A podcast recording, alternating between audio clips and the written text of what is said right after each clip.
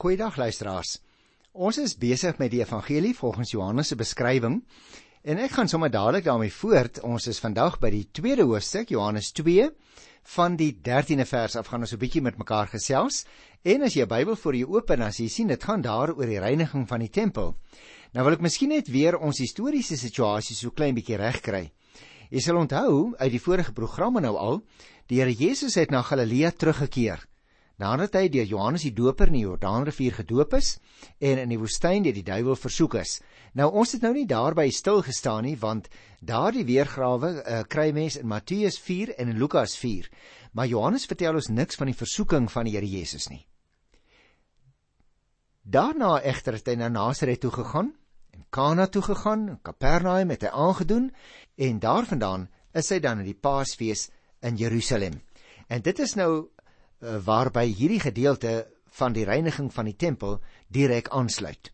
Verskoon as ek baie keer so 'n bietjie vir julle geskiedenis vertel, maar dit lyk vir my as 'n mens as dit ware die geskiedenis so die historiese lyn volg, dan verstaan 'n mens net beter waarom 'n spesifieke perikoop hier in die Bybel aangeteken is. Nou kom ons kyk na die 13de vers. Die Paasfees van die Jode was naby. En Jesus het daarvoor na Jerusalem toe gegaan. Nou kom ons gesels oor hier eers hieroor so klein bietjie want ek dink dit is vir ons van belang. Die Paasfees van die Jode word hier genoem. Uh soms uh het dit ook genoem uh die Pasga of die fees van die ongesuurde brode was 'n sewe-daagse fees ter herdenking van die verlossing uit Egipte land. Dit sal jy nog onthou, ons het dit gedoen daar by Eksodus, die 12de hoofstuk veral. En dit was een van hulle groot feeste. En nou was die Paasfees van die Jode naby. En ons lees interessant, die Here Jesus het ook daarvoor opgegaan na Jerusalem toe. Wat vir my nogal opval, luisteraars, Johannes maak melding van vier Paasfeeste. Hier in die 5de hoofstuk vers 1 en dan hoofstuk 6 vers 4, hoofstuk 11 vers 55 en hoofstuk 13 vers 1. Nou die Paasfees was een van 3 groot gebeurtenisse per jaar wanneer alle manlike lede van die bevolking volgens die wet in die teenwoordigheid van die Here moes verskyn. As nakomeling hiervan gaan die Here Jesus nou ook op na Jerusalem toe. Jerusalem moet ons dalk ook net so klein bietjie gesels voor ek aangaan met die perikoop. Maar jy sien Jerusalem was die politieke en die godsdienstige hoofstad van Palestina. En die Jode het natuurlik verwag dat die Messias daar sou verskyn. Wie het nou gedink die Messias sal uit 'n klein ou dorpie kom, né? Want Jerusalem was vir hulle die sentrum van God se teenwoordigheid, want die tempel was daar. Behalwe die tempel was daar natuurlik baie Joodse gesinne wat oor die hele wêreld daarheen gereis het elke jaar vir die belangrike feeste. En so was hier die Paasfees een van daardie groot feesgeleenthede. So mense het seker maar in die algemeen gedink, o, as die Messias nou sal kom, dan sal hy hom seker in die by die tempel verskyn of hy sal by een van hierdie groot saamtrekke van ons opdaag. Nou miskien het jy al 'n prentjie van Jerusalem gesien en dan sê jy weet, die tempel was op 'n heuwel geleë van waar 'n mens eintlik baie mooi kon uitkyk na weerskante toe na die hele stad wat dan aan jou voete gelê het in daardie stadium. Die eerste tempel, sal jy nog onthou, is amper 'n 1000 jaar van tevore gebou in die jaar 949 voor Christus, uh om presies te wees deur Salomo op dieselfde heuwel wat dit in die tyd van die Nuwe Testament is. Maar later is daardie oorspronklike tempel deur die Babiloniërs vernietig. Jy kan die verhaal gaan lees in 2 Konings by die 25ste versie. En toe is die tempel eers weer uh, finaal voltooi met sy herbou in die jaar 515 voor Christus. En Herodes, die Grote, het dit kort voor die tyd van die Nuwe Testament begin vergroot en dit ook verfraai, want daarmee wou hy natuurlik die guns van die Jode wen. Ons het al daaroor gepraat die vorige keer. En die Paasfees van die Jode was nou die baie belangrike herdenking aan die uitredding uit Egipte land. Net nou gesê dink ek dat dit 7 dae aangehou het. Nou volgens die Johannes Evangelie het Jesus die Paasfees meegemaak. En dit is vir ons 'n baie belangrike ehm uh, stukkie inligting wat hy gee. Die Here Jesus het dus nie afsyde gestaan teenoor die feeste nie. Hy het nie na die fees gegaan en dan as dit ware dik mond daar rondgeloop en afwysend nie. Nee, Hy het die fees meegemaak. Maar kom ons lees nou 'n bietjie verder want by hierdie spesifieke geleentheid sou daar sekere dinge gebeur en ek dink Jerusalem se Paasfees sou nooit weer dieselfde wees na daardie dag nie. Vers 14 en 6 tot by 16 gaan ek nou lees, nou praat ons daaroor. Op die tempelplein het Jesus die verkopers van die beeste, skape en duwe gekry en die geldwisselaars wat daar sit. Toe het hy met toutjies 'n sweep gemaak en almal uit die tempel uitgejaag, ook die skape en die beeste. Die geld van die wisselaars het hy op die grond uitgegooi, die tafels omgekeer. Vir die mense wat die duwe verkoop het hy gesê: "Vat hierdie goed hier weg. Moenie die huis van my vader 'n besigheidsplek maak nie." Nou ek dink dis 'n baie belangrike uh, stukkie geskiedenis wat in ons tyd dikwels uit konteks uitgehaal word en daarom gaan ek so 'n bietjie hieroor gesels luisteraars. Johannes vertel van die reiniging van die tempel aan die begin van sy bediening. In ander evangelies wil dit voorkom asof daar 'n reiniging aan die einde van die bediening van die Here Jesus plaasvind het.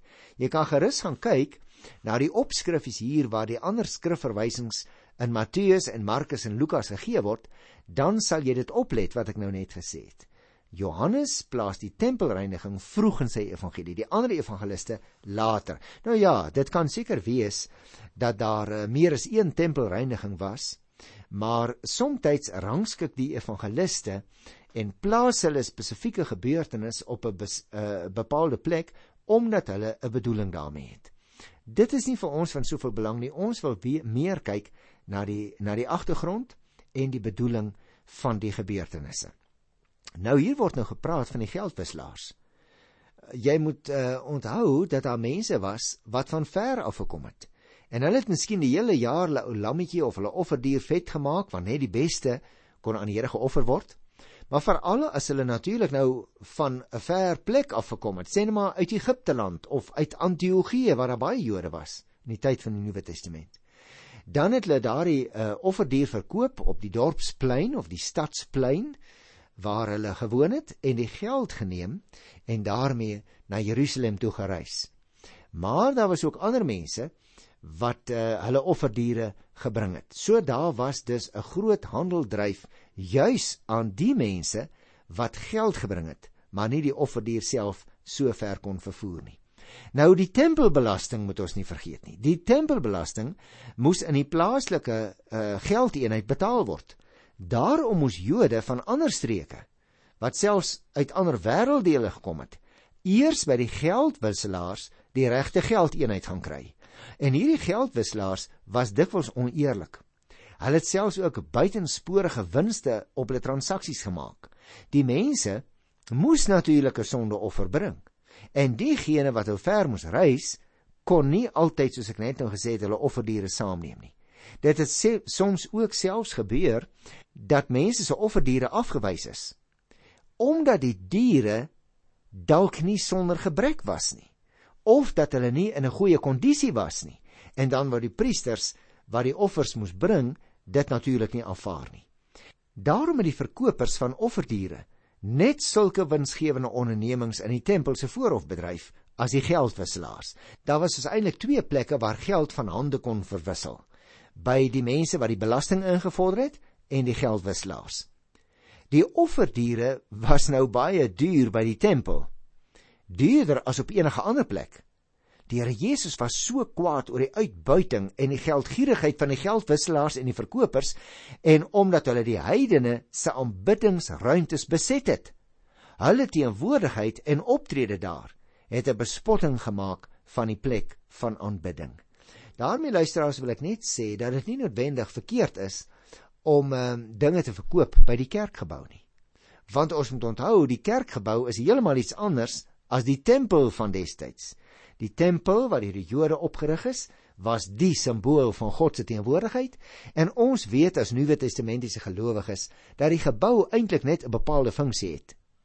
daarmee wil mense nou nie sê daar kan enige ding daar plaasvind nie. Maar die kerkgebou is nie meer aan die wettiese voorskrifte van die Ou Testament onderwerp nie. Die kerkgebou is die plek van opstanding, die plek van die goeie boodskap van Jesus se opstanding. En solank die plek uh, nie ontwy word nie in die sin van uh, heeltemal sekulêr gebruik word nie, dan uh, is daar geen Bybelse beswaar daarteenoor dat ons ook geld kan laat verwissel daar nie. Per slot van sake hanteer ons ook ons dankoffergeld en ons glo dat dit is wat die Here van ons verwag. Nou maar goed, kom ek gaan aan hier van vers 14 af want ek wil nog 'n paar opmerkings maak. Daar was altyd, het ek reeds gesê, duisende mense gedurende die Paasfees by die tempel en daar was skaars plek soms om te beweeg. Daar benewens het die godsdienstige leiers ook nog die geldwisselaars en die verkopers toegelaat om hulle tafels en stalletjies in die voorhof op te rig. nou dit was op sigself al 'n oortreding van die Ou Testamentiese voorskrifte wat ons alreeds behandel het. Hulle het hulle self verontskuldig deur aan te voer dat dit 'n diens aan die aanbidders was en dat hulle so ook geld vir die onderhoud van die tempel ingesamel het. Dit het skynbaar vir die Joodse leiers glad nie saak gemaak dat die voorhof so vol handelaars was dat daar byna nie meer plek vir die heidene was om te aanbid nie. Aanbidding was tog die hoofdoel van die tempel. Dis dus geen wonder nie dat die Here Jesus daaroor ontstel was. God se tempel is misbruik deur mense wat dit in 'n soort vloeimark in ons tyd omskep het. Hulle het vergeet dat dit 'n plek van aanbidding was en nie primêr 'n handelshuis nie. Of of dalk het dit eenvoudig nie vir hulle saak gemaak nie. Sakebelange, hoe noodsaaklik ook al, mag nooit die belange van God bedreig nie, luisteraars. En daarom mag sy eer en die aanbidding van die Here ook nie aangetast word nie en dit is wat hier plaasgevind het in hierdie gedeelte. Die Here Jesus was kwaad vir die handelaars wat besig was om die gelowiges wat na die tempel toe gekom het om God te aanbid uit te buit. Dit is die basiese probleem hier. Nie omdat daar handel gedryf is nie, maar omdat hulle die mense uitgebuit het. Daarom moet jy en ek ook baie goed raak sien dat uh, daar 'n verskil is tussen onbeheerste woede en 'n heilige ontsteltenis wat geregverdig kan word. Die Here Jesus is hier ontstel oor sy Vader se eer in die dwarsboming van die eintlike bedoeling van die tempel, naamlik aanbidding. Die Here Jesus het toe nou 'n sweep gemaak, die handelaars en die geldwisselaars daarmee uitgejaag. Nou kom die vraag op: Beteken dit dan dat ons ook geweld mag gebruik teen mense wat vir ons te nakom? Het jy opgemerk? Die Here Jesus tree op met goddelike gesag Hy volvoer sy opdrag met besliste fermheid, nie in eie belang nie, maar ter wille van die eer van sy Vader. Die boodskap van die gebeure is dus lyk dit vir my dat die goddelike prioriteite in ons lewens vooropgestel moet word. Elke ding moet sy plek hê en sy tyd. Nou kom ons lees hier van vers 17 af. Toe het sy disippels daaraan gedink dat daar geskrywe staan: Die liefde vir u huis verteer my. Maar die Jode het hom aangespreek en vir hom gesê: "Met watter wonderteken kan u vir ons bewys dat u hierdie dinge mag doen?" Jesus het hulle geantwoord: "Breek hierdie tempel af. Ek sal dit in 3 dae kom oprig." Die Jode sê toe: "46 jaar is daar aan hierdie tempel gebou en u sal hom in 3 dae oprig." sê bietjie vir ons, hoe werk dit dan? hoor ek hulle self as ware in my ore fluister. Want aan die een kant luisteraars het jy opgemerk by vers 17, die disippels interpreteer Jesus se optrede in die lig van Psalm 69 vers 10. Vir Jesus naamlik was die selfsugtige optrede van die handelslui in die binnehof van die tempel 'n belediging van God. En daarom het hy so sterk teen hulle opgetree. Hy is verteer deur die heilige woede oor die sonde en die gebrek aan eerbied vir die Here. Nou as hierdie mense sê 46 jaar is aan die tempel uh, gebou hier uh, vers 19 en 20, dan moet jy onthou luisteraar, die tempel is natuurlik meer as 500 jaar tevore deur Siribabel herstel nadat dit deur die Babiloniërs vernietig is. En Herodes die Grote het nou begin om die tempel deur verbouings te vergroot en dit ook te verfraai. En hierdie bouwerk was alreeds op die tyd van die Here Jesus se omwandeling op aarde 46 jaar lank aan die gang. en dit was nog nie eers voltooi nie. Daarom tussen hakies wil ek vir jou sê mense dink nie altyd daaraan nie, maar heel waarskynlik was gedeeltes van die tempel deur die Here Jesus se hele aardse omwandeling altyd onder konstruksie. Daarom moet jy as dit ware die stellasies waarop die werkers gestaan het in gedagte hou.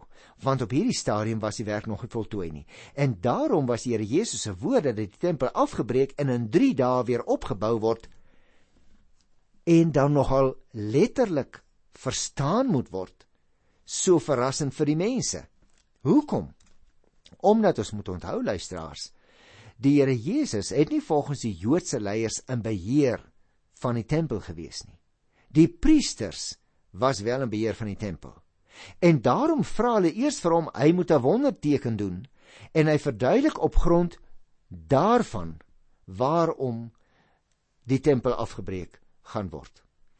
As hy nie gesag van God daartoe ontvang het nie, tree hy met ander woorde teen die wet op. Jesus se antwoord dat hy in 3 dae weer hierdie tempel sal oprig soos dit daar staan, wek nou misverstand by die Joodse leiers. Hulle verstaan dit letterlik. Dit word ook later as aanklag teen Here Jesus gebruik in sy verhoor. Gaan kyk maar in Matteus 26. Die Here Jesus gee egter nie nou 'n teken nie. Jy sien, die Here wil nie net spring as mense van hom iets eis nie. Sy opstanding na 3 dae sou voldoende teken wees. Daarom doen hy nie nou vir hierdie mense sommer net op hulle aanvraag vinnig vinnig daar 'n teken nie. En die werk aan die hele geboukompleks van die tempel het toe alreeds lank geduur. En ons moet onthou luisteraars, dit is eers 6 jaar na die Here Jesus se optrede hier op hierdie dag voltooi. Om die waarheid te sê, die finale werk daaraan is eers in die jaar 70 na Christus klaar gemaak, want dit was die kleiner werkies. Die Here Jesus praat naamlik van die tempel van sy eie liggaam wat na 3 dae opgewek sal word uit die graf. En natuurlik luisteraars mense baie goed verstaan, dit is eers na die opstanding van die Here Jesus uh wat hierdie antwoord wat hy gegee het werklik eers deur sy disippels verstaan is. Vers 21 spel dit ook vir ons uit. Met hierdie tempel het hy egter sy liggaam bedoel. Nou Johannes kan dit maklik hier in sy evangelie inskryf want onthou die evangelie het eers baie jare, ek het by die inleiding vir jou gesê so min of meer 90 jaar na Christus op skrif gekom. En hierdie gebeure wat nou later eers deur Johannes beskrywe is, het vroeër plaasgevind. Daarom kan Johannes by wyse van terugskouing nou maklik so 'n bietjie kommentaar daarop lewer. Maar goed, kom ons gaan aan hier na die 23ste vers, want hier kry ons ook interessante dinge. Die opskrif daarvan is Jesus ken die mens. Kom ek lees dit eers. Terwyl Jesus vir die viering van die Paasfees in Jerusalem was, het daar baie mense tot geloof in hom gekom toe hulle die wondertekens sien wat hy doen. Maar hy het hom nie op hulle verlaat nie, omdat hy geweet het hoe hulle almal is. Hy het nie nodig gehad dat iemand hom iets van 'n mens vertel nie, want hy het self geweet hoe mense is. Dit is wonderlik dat dit vir ons in die Bybel aangeteken is, nie waar nie? Dat die Here Jesus mense geken het. Nou ja, hy het self natuurlik in mense gestalte na die wêreld gekom, maar veral die Hebreërs skrywer sê vir ons baie duidelik dat die Here Jesus nooit eendag sonde gedoen het nie. Maar hy het geweet mense doen sonde en daarom die opskrif Jesus ken die mens. Gedurende die 7 dae van die Paasfees in Jerusalem het Jesus naamlik deur gesprekke en ook staan hier wondertekens getoon dat God sy volk besoek het. Dit was natuurlik alles messiaanse tekens luisteraars. Baie mense staan daar het juis op grond van Jesus se wondertekens begin aanvaar dat hy iemand besonders was en dan uiteindelik staan daar en tot geloof in hom gekom. Jesus besef egter dat 'n geloof wat gebaseer is op sulke uiterlike dinge nie betroubaar is nie. Kyk, luisteraars, jy en ek weet ook van wat sal ek dit noem? Krisisgeloof. Mense wat tot bekering kom onder groot druk. Maar dan is daardie bekering nie altyd baie eg nie. En dit is waarna hy verwys. Hy het ook geweet dat ander mense hom wou koning maak. Ons gaan nog daarby kom in Hosea 6 by die 15de vers. Maar onthou, die Here Jesus wil onvoorwaardelik loyale geloof hê, nie net entoesiasme wat vir 'n oombliekie daar is en môre taan die ou vlammetjie alweer nie. Hy ken die mens ja, soos God elke mens ken. Gaan kyk maar 1 Konings, hoofstuk 8 by die 39ste vers, is daar ook 'n verwysing daarna. Hy lees met ander woorde tot in die diepste plooie van jou en my menswees. Ken hy vir ons. As ek dus 'n samevattende opmerkingie op 3 mag maak oor hierdie gedagte van Jesus ken die mens en sou ek die volgende wou sê. Die Here Jesus was heeltemal bewus van die waarheid wat in Jeremia 17 vers 9 opgeteken is. Die hart is bedriegliker as enigiets anders.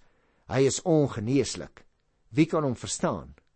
Jy sien party van die mense wat uitgeroep het dat hy die Messias is, sou later ook uitroep dat hy gekruisig moet word.